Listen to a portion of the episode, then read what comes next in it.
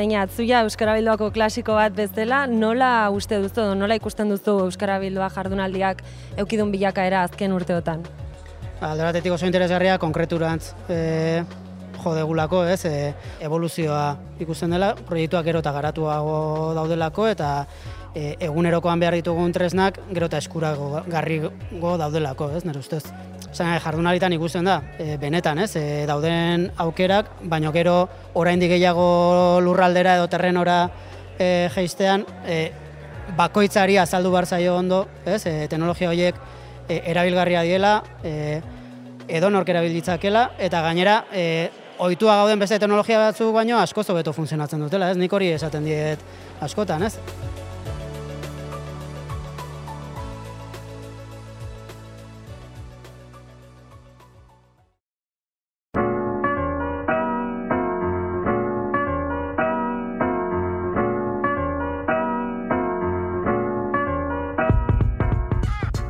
Kaixo, egunon lagunok, ongietorri podcast honen saio berrira. Dakizuen bezala, odeia ez da existitzen, beste norbaiten ordenagailua da.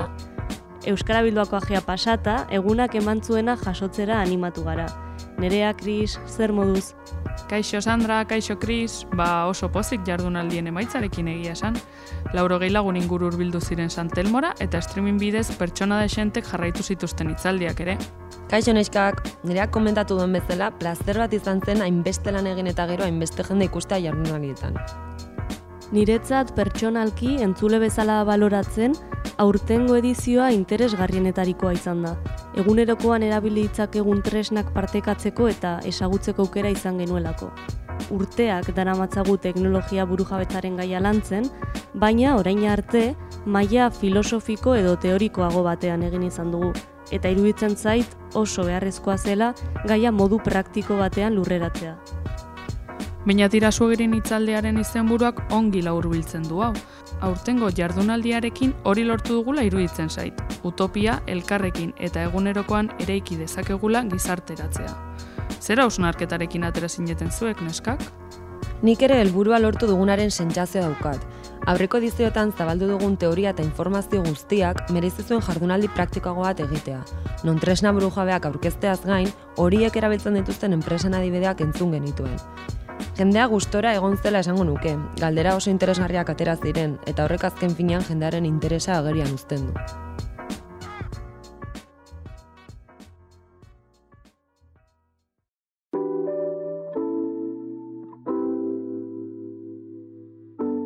Eguneko lehenengo itzaldian, miren berasategi oinarrizko kontzeptuak argitu zituen. Kode irekiaren eta software librearen arteko ezberdintasunak besteak beste. Jardunaldiak irudikatzen hasi ginenean, hasiera hasieratik argi ikusi genuen maila horretako itzaldi bat saretzea beharrezkoa zela. Gure artean ere zenbait kontzeptu asaltzeko zailtasuna ikusten genuen, eta uste dut hortik etorri zela pixka bat ideia. Horrekin, erabat asmatu genuela uste dut. Teknologia burujabetzaren eta alduntze digitalaren arteko lotura nabarmendu zuen ere mirenek. Elikadurarekin egiten zuen lotura oso adierazgarria iruditu zitzaidan neri.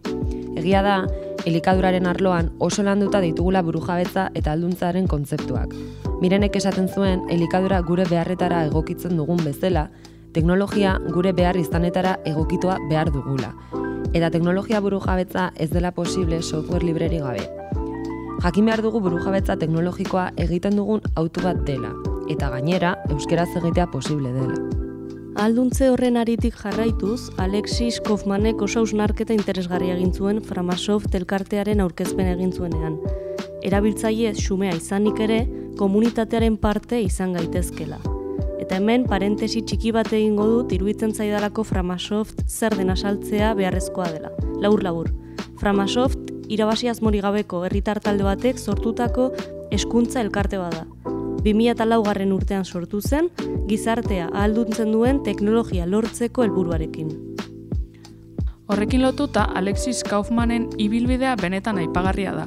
Izan ere, gaur egun Frantziako eskuntza ministerioan dago, baina ez da beti horrela izan.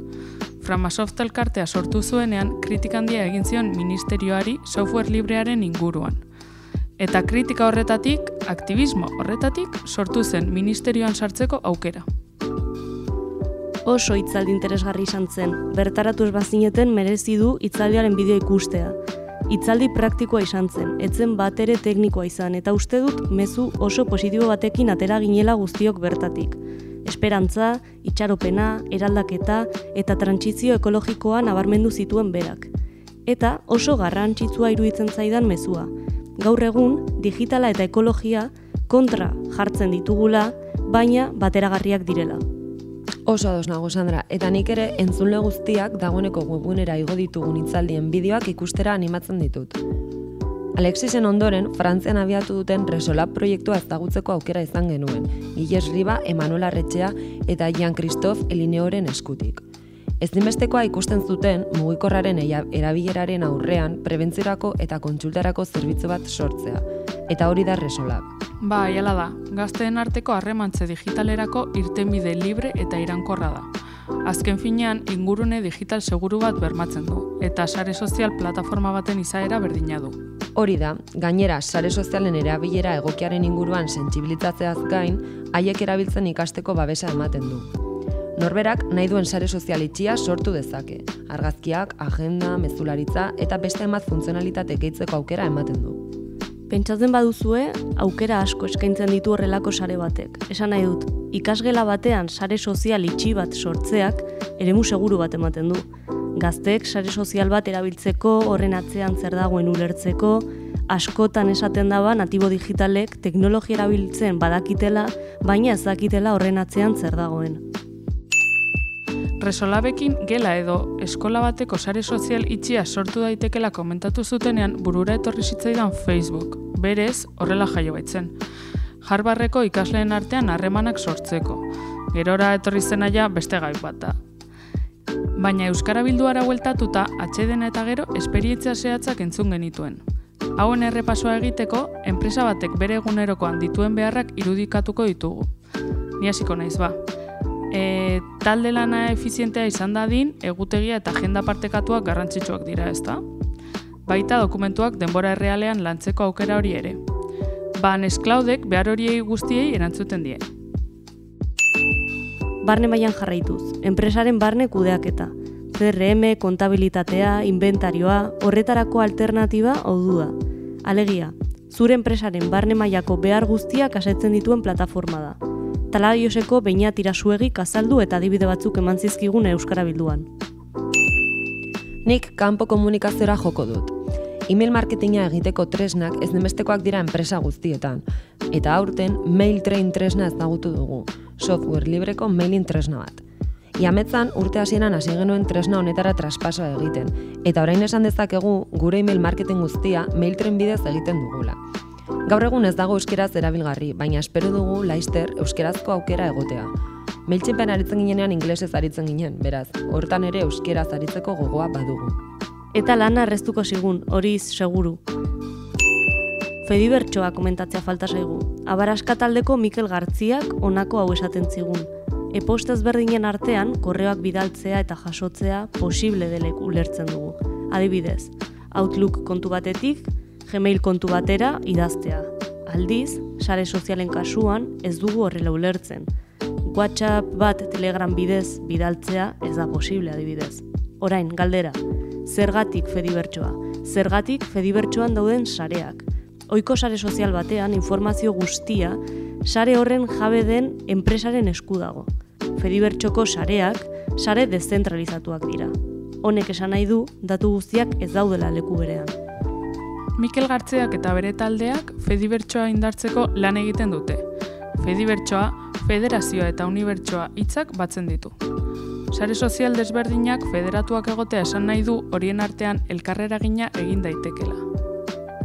Euskal Fedibertsoan sarerik ezagunena mastodon da, baina beste batzuk saltxeatzera animatzen zaituztegu. Adibide bat ematearren. Alde batetik Twitter dago, datu guztiak Twitter zerbitzarietan zentralizatuta dituen sarea. Fedibertsoak ematen duen alternatiba Mastodon litzateke. Mastodonen erabiltzaileak hainbat zerbitzaritan daude banatuta.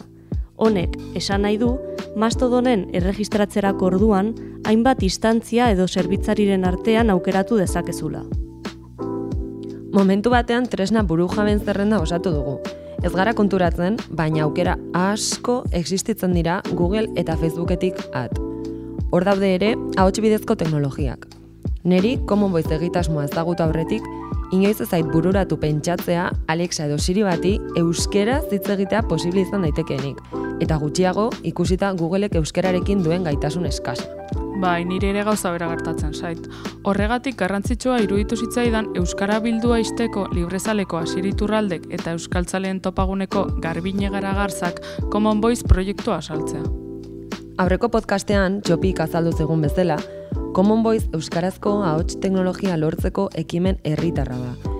Eusko Jaurlaritzak eta Nafarroako gobernuak gaitu proiektua abiatu dute, eta Euskaltzaleon topaguneak grabazio masiboak antolatuko ditu hainbat herrietan ahotsak biltzeko helburuarekin. Niri pertsonalki oso polita iruditzen zait Euskal Herritarrok ahotsak batzea horrelako helburu bat lortzeko. Aurreko astean grabazio eta entzuketa batzuk egiten egon nintzen eta ez dakit, noiz bait Alexa edo bestelako gailu batekin euskaraz hitz egiten badut, horren parte izan naizela sentituko dut. Orduak eman ditzakegu gai guzti hauen inguruan hausnartzen eta egunean atera ziren hausnarketa guztiak partekatzen. Baina hemen utziko dugu gaurkoz. Benetan oso hausnarketa interesgarriak atera ziren eta merezi du gai horietan pixka bat sakontzea. Horregatik hainbat aukera esmateen dizkizuegu.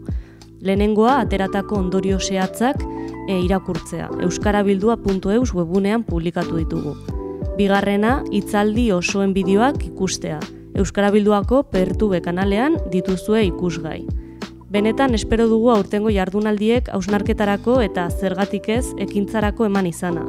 Plazerra izan da aretoa beteta ikustea, eta espero dugu teknologia burujabetzaren alde urratsak elkarrekin ematen jarraitzea. Besterik gabe, eskerrik asko ere beste aldean zaudeten guztioi, eta hurrengo arte. Agur! Agur!